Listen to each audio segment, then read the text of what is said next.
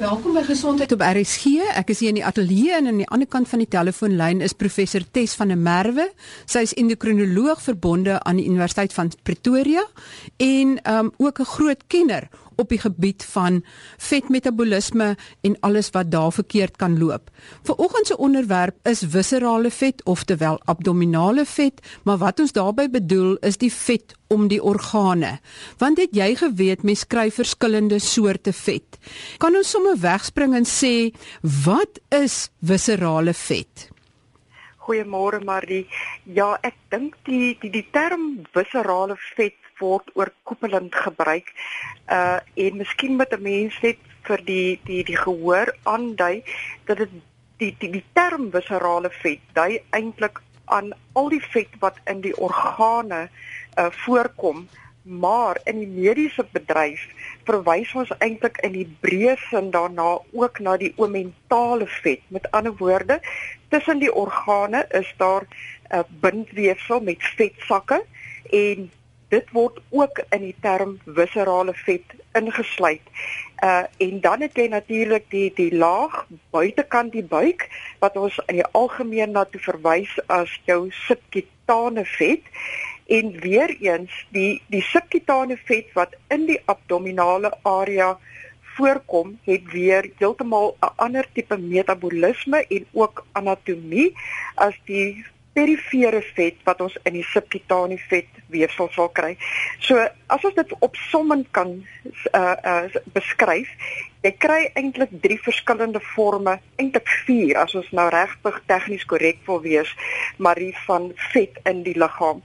Die een is bruin vet waarmee jy gebore word om sekere organe en wat daar is om jou temperatuur te reguleer en wat tot 'n groot mate meer onaktief word soos jy ouer word, maar wat 'n baie belangrike vorm van energieverbruiking is en waarop daar baie navorsing gedoen word op die oomblik om te kyk of 'n mens nie in die volwasse persoon dit weer kan herstimuleer nie. Dan kry jy die viscerale vet soos jy reg aangedui het wat dan al die orgaanvet is maar ook die laag tussen die orgaan dan kry jy die abdominale subkutane laag van vet en jy kry kry die perifere laag van vet So is die abdominale vet, die vet onder die vel, dit is anderste as die res van die vet wat onder die vel is op ander plekke. Korrek, heeltemal korrek Marie en ek dink baie mense verstaan nie altyd dat daar 'n groot verskil is tussen die belangrikheid, die metabooliese belangrikheid van byvoorbeeld vet wat om die arm se subkutane weefsel sal voorkom in vergelyking met dit wat om die buik uh, voorkom nie. En vir dit moet 'n mens dikwels jou BMI kategorie, jou massa indeks kategorie gebruik om te besluit van watter mate dit belangrik is as jy op 'n BMI 40 en bokant is, dan kan 'n mens algemeen gesproke sê dat die bydra van die vrywetsure uit die subkutane vet in die abdominale area en die res van die liggaam natuurlik ook so oorweldigend is dat dit nie meer belangrik is klinies om te onderskei tussen viscerale vet en subkutane vet nie waar dit vir die klinikus belangrik word is wanneer jy op 'n massa indeks onder 40 lê om te bepaal of jou viscerale vet bydra tot jou metabooliese sindroom. En nou weet ek gaan jy my vra maar die maar hoekom? Wat is nou so belangrik? Wat is nou so verskillend anatomies en metabolies of chemies moet ons eintlik liewer sê tussen hierdie verskillende forme van vet? En dit alles te doen met die die die die omdraai tyd van vryvetsure in die sel en dit hou weer verband met die grootte van die anatomiese sel met ander woorde hoe groter jou sel is en ons gebruik die woord lipolitiese aktiwiteit dit is maar net 'n manier om vir ons te sê hoe aktief is daai sel uh in terme van sy metabolisme uh hoe meer uh uh, uh geneig sal jy wees tot abnormaliteite in jou metabolisme. Nou jou hoogste lipolitiese aktiwiteit gaan lê in jou viscerale uh vet. Dis dan die omentale vet en ook al die vet wat teenwoordig is in die organe. Nou net so Terloops, maar die daar was nou ook onlangs geweldig baie navorsing gedoen oor vet wat in die hart kan saampak, direk in die hart. En daai orgaan ons ons het eintlik so half met kruisbestuiving groot geword in hierdie veld. Ons verwys na viscerale vet dikwels as abdominale vet, maar dit kan ook in die hartsak voorkom. Dit kan in die hart self voorkom. Dit kan in die niere voorkom. Ehm um, so dit kan eintlik in enige enige orgaan voorkom, maar natuurlik omdat die lewer jou grootste fabriek in die liggaam is, verwys ons maar so in die algemeen na viscerale vet as die vet wat in die lewer voorkom. Jou nou, volgende mees belangrike kategorie is dan jou abdominale subkutane vet en dan jou perifere vet. So in daai orde sal jou lipolitiese aktiwiteit voorkom. Ek wil net vra, as jy sê die vet kom in die hart of in die niere voer, is dit binne in die orgaan of om die orgaan? direk binne in die sel Marie en dit is waar die groot probleme begin. Met ander woorde dit kan om die orgaan uh, aanpak, ja, maar wat die groot probleme veroorsaak is dat dit binne in die sel self akkumuleer. Nou as jy kyk na wat die wat die probleme is wat ons kan ervaar met vet wat nou binne in die sel gaan sit, kan ons dit weer vir eenvoudigheidsonthulwe klassifiseer in twee klasse. Jy kan sê wat is die metabooliese effekte en ons sal tweede daaroor gesels en wat dan is die anatomiese of die direkte cellulêre effek. Nou daar is dalk van ons pasiënte wat onlangs deur hulle algemene praktisyn of internis of selfs endokrinoloog dalk gediagnoseer is met 'n terminologie wat hulle NASH noem. Nou die Afrikaanse vertaling daarvan sal dan wees 'n uh, uh, 'n kroniese steelhepatitis. Met ander woorde, hulle ontwikkel letterlik soos 'n tipe van 'n inflammatoriese reaksie binne in die sel van die lewer. En wanneer die dokter dan hulle biochemie doen of wanneer gespesialiseerde sonar uh, preparate gebruik word, dan wys dit baie duidelik op. Daai daai lewer gloei letterlik soos 'n vuurvliegie. En jy kan anatomies baie duidelik sien dat daar 'n saamgepakte hoeveelheid vet in die sel is. So dit is dan die anatomiese kant daarvan. Presies dieselfde kan in gespesialiseerde senters gedoen word vir die hart, die niere en so aan. As daar as daar dan meer vet in die selle van die lewer of die hart is, word daai orgaan dan groter gedruk of nie?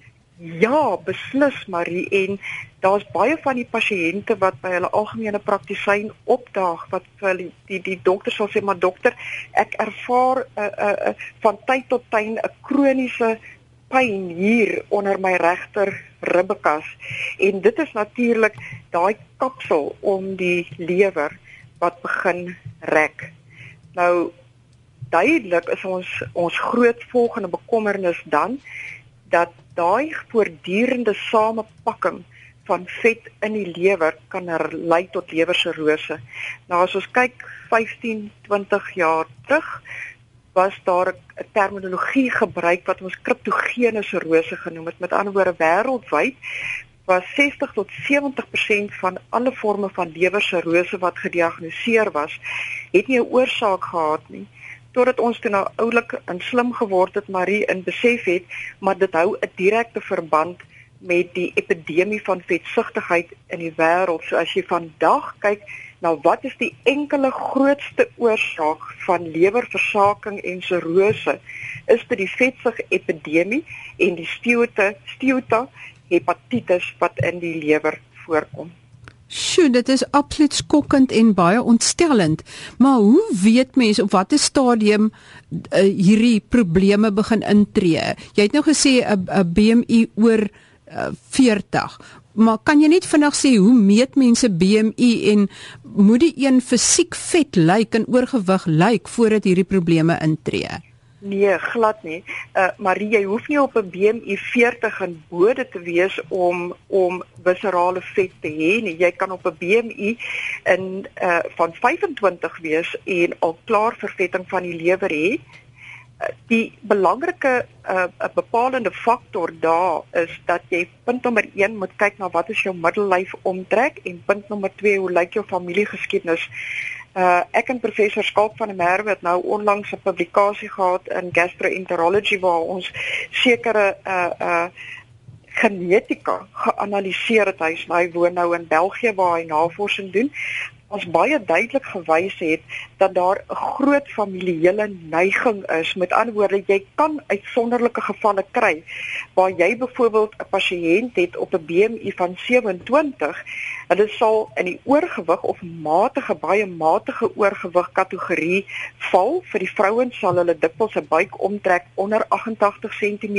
hê en vir die mans dikwels onder 102 cm wat is so as 'n tipe van 'n rowwe afsnypunt gebruik as 'n kliniese meting van viserale vet en tog as jy daai mense se biochemie doen wys hulle klaar tekens van viserale vet en ontsteking van die vetselle in die lewer en dit is omdat hulle geneties die vermoë het om elke klein bietjie vet wat hulle oortollig het eerder in die lewer te stoor as in die periferie. So moet enige iemand wat nou mens kry baie keer as jy ouer word, jou jou bene word al hoe dunner, maar jou jy het 'n boep maagie of jy kan nie die maagie wegkry nie. Is dit 'n gevaarteken? Dit is 'n gevaarteken, uh, Marie vir die eenvoudige rede soos jy ouer word en deur jou menopausale fase gaan en dit maak saak of dit man of vrou is nie, verander die samestelling van jou vetweefsel. Jou perifere weefsel het begin minder estrogen en progesteroon reseptore het. Hulle word minder aktief en jy's geneig om daai metabooliese aktiwiteit te skuif van die periferie af na die viserale organe en presies dieselfde geld vir die man. Soos hulle testosteroon vlakke afkom, is hulle geneig om meer vet te stoor uh in die in die lewe. So dit is 'n direkte manifestasie van vroeë of perimenopausale uh uh tydperke en dan definitief in in die menopause. So Die eerste stap wat jou dokter gewoonlik sal neem is om jou te weeg om te bepaal in watter watter massa indeks jy val want as jy oor 'n massa indeks van 40 is, dan is jou bydra uit jou subkutane weefsel so oorweldigend dat dit eintlik nie regtig meer saak maak waar die vet vandaan kom nie. As jy my kan volg wat dit aanbetref, maar die ja. wanneer jy op 'n laer BMI is, dan sal jou dokter gewoonlik kyk na wat is jou middelomtrek. Ek het reeds die syfers 88 en 102 genoem vir vroulik en manlik onderskeidelik. Hulle sal sekere bloedtoetse doen om te kyk of daar van die ensieme in die lewer is wat klaar verhoog is en in die ou dae maar net so terloops het ons as die mediese professie dikwels ernstig klei getrap ons het dikwels hierdie mense aangespreek oor verskuilde alkoholisme omdat ons gedink het hierdie ensieme moet verhoog wees omdat hulle stil agter in die kombuis drink.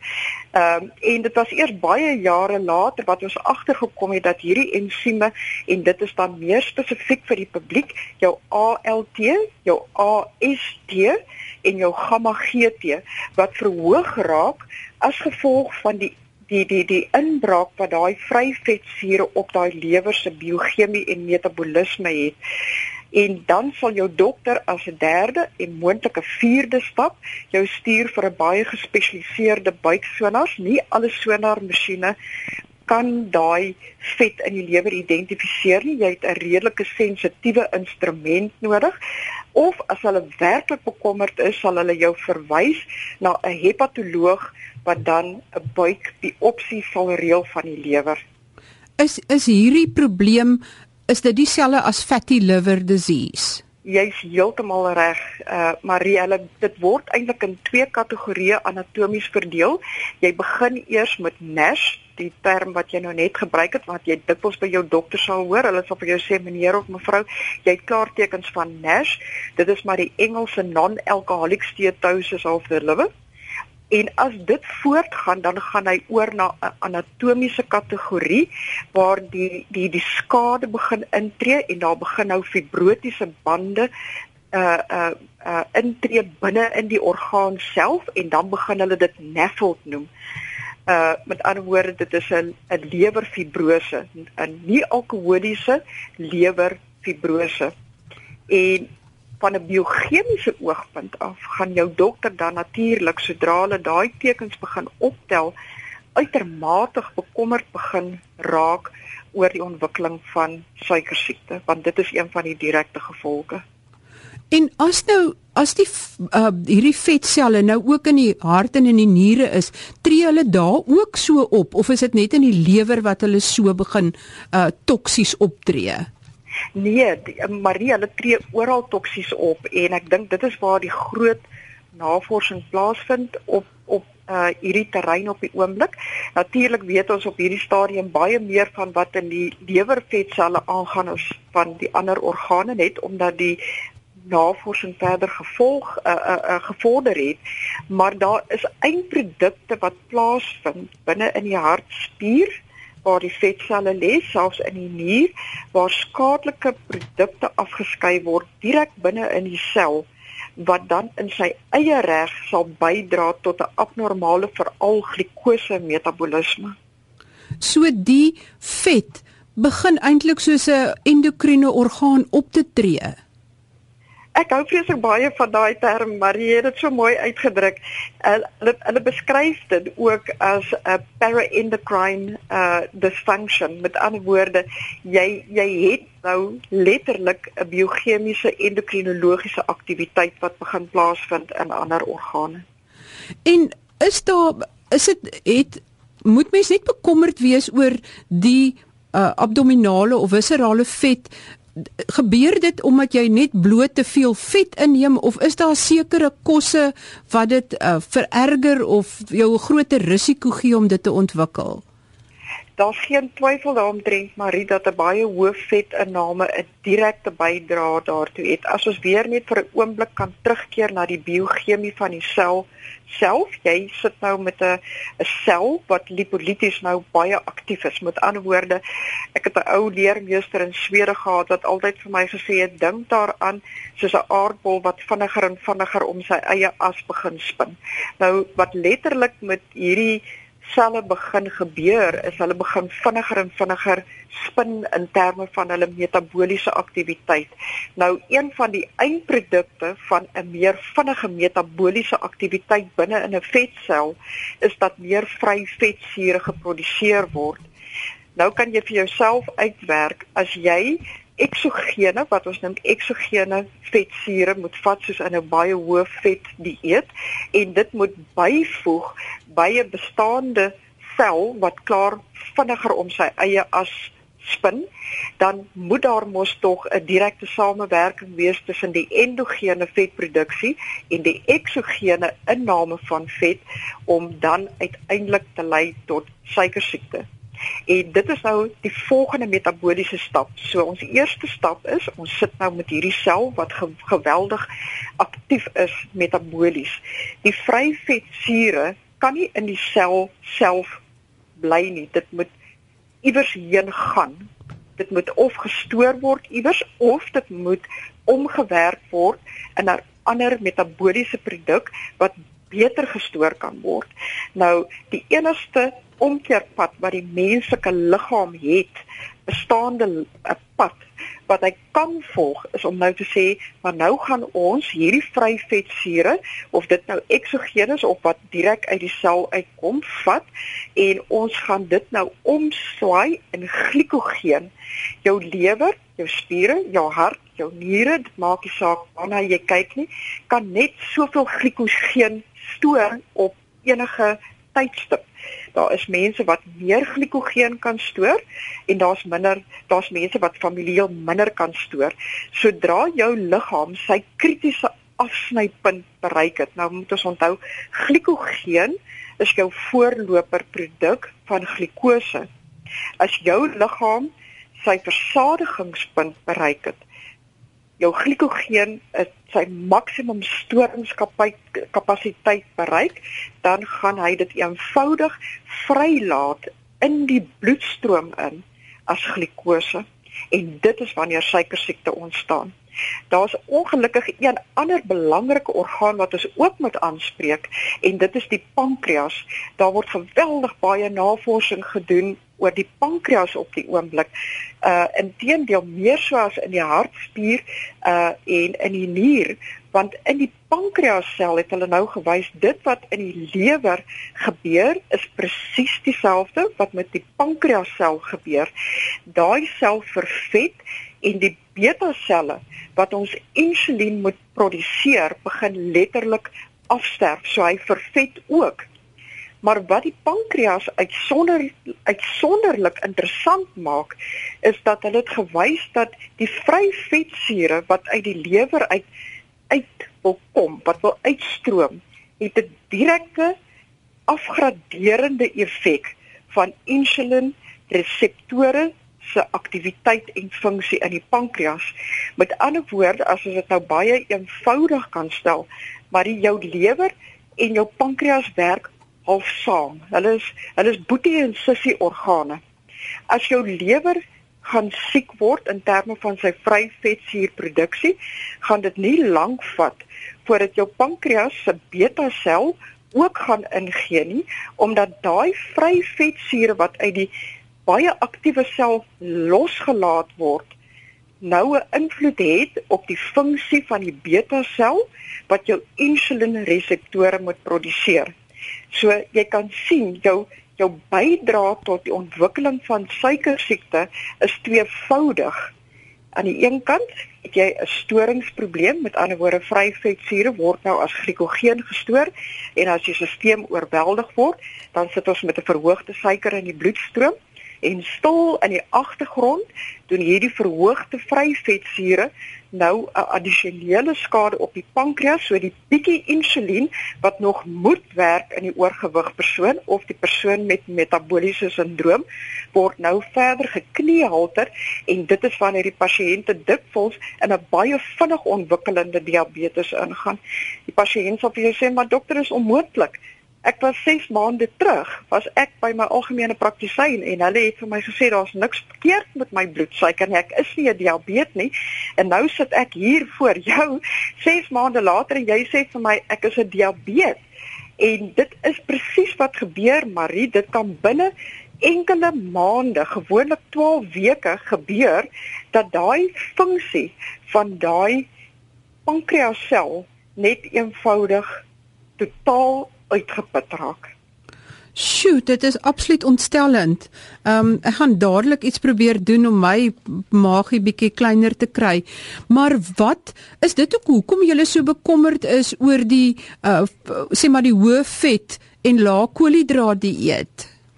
Dis absoluut so, maar dit is een van die absolute kernknelpunte in die hoofvet dieet. Dit is iets wat uh dokters dikwels ontstel het. Ek dink daar's van ons mense in ons in ons gehoorbasis wat al gehoor het wat gesê het, maar jy kan nie dit doen nie want jou diabetes kan vererger en dan sal die mense sê maar wat my proteïen of my vet dieet te doen met my diabetes? Wat het daai twee verband met mekaar en die realiteit is hulle het 'n direkte verband met mekaar, 'n absolute direkte verband.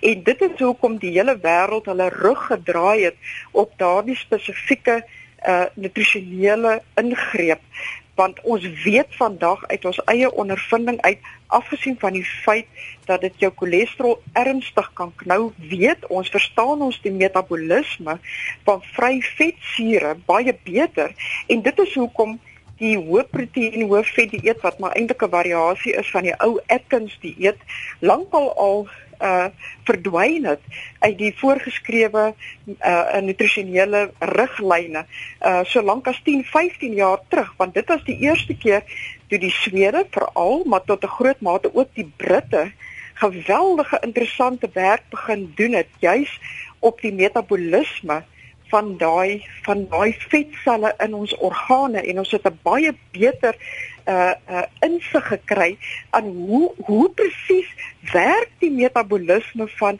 jou hele vetsiklus dan nou eintlik en dit het ons tot absolute insaag geroep en gesê maar wag 'n bietjie ons is heeltemal besig.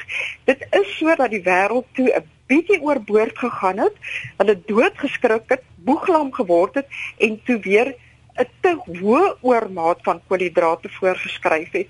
Ek dink daar was uh, verenigings wat gesê het dat moet dit dit moet tot 60 tot 70% van jou inname wees. Die realiteit is jy is op jou beste wanneer omtrent 50% van jou bord koolhidrate bevat. So dis maar die ou stelling maar die van everything in moderation. Eintlik leer die lewenslesse ons maar wat die wetenskappe bevestig.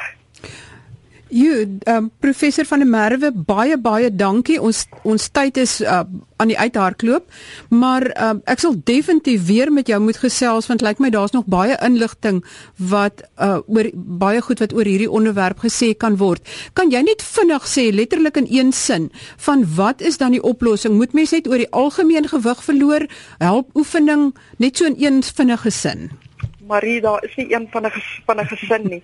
Ehm uh, daar jou jou jou geakkrediteerde forme van bariatriese chirurgie bly jou beste ingreep. Maar kom ons maak 'n datum met ons gehoor en dan gesels ons uitgebrei van voor tot agter oor watter strategieë jy kan volg met met hierdie vervetting van jou lewer. Baie baie dankie. So luisteraars kan gerus aan my skryf by gesond@rsg.co.za. En dan as jy enige vrae het hieroor, dan stel ek dit aan professor van der Merwe en ons het 'n volle bespreking oor hierdie onderwerp.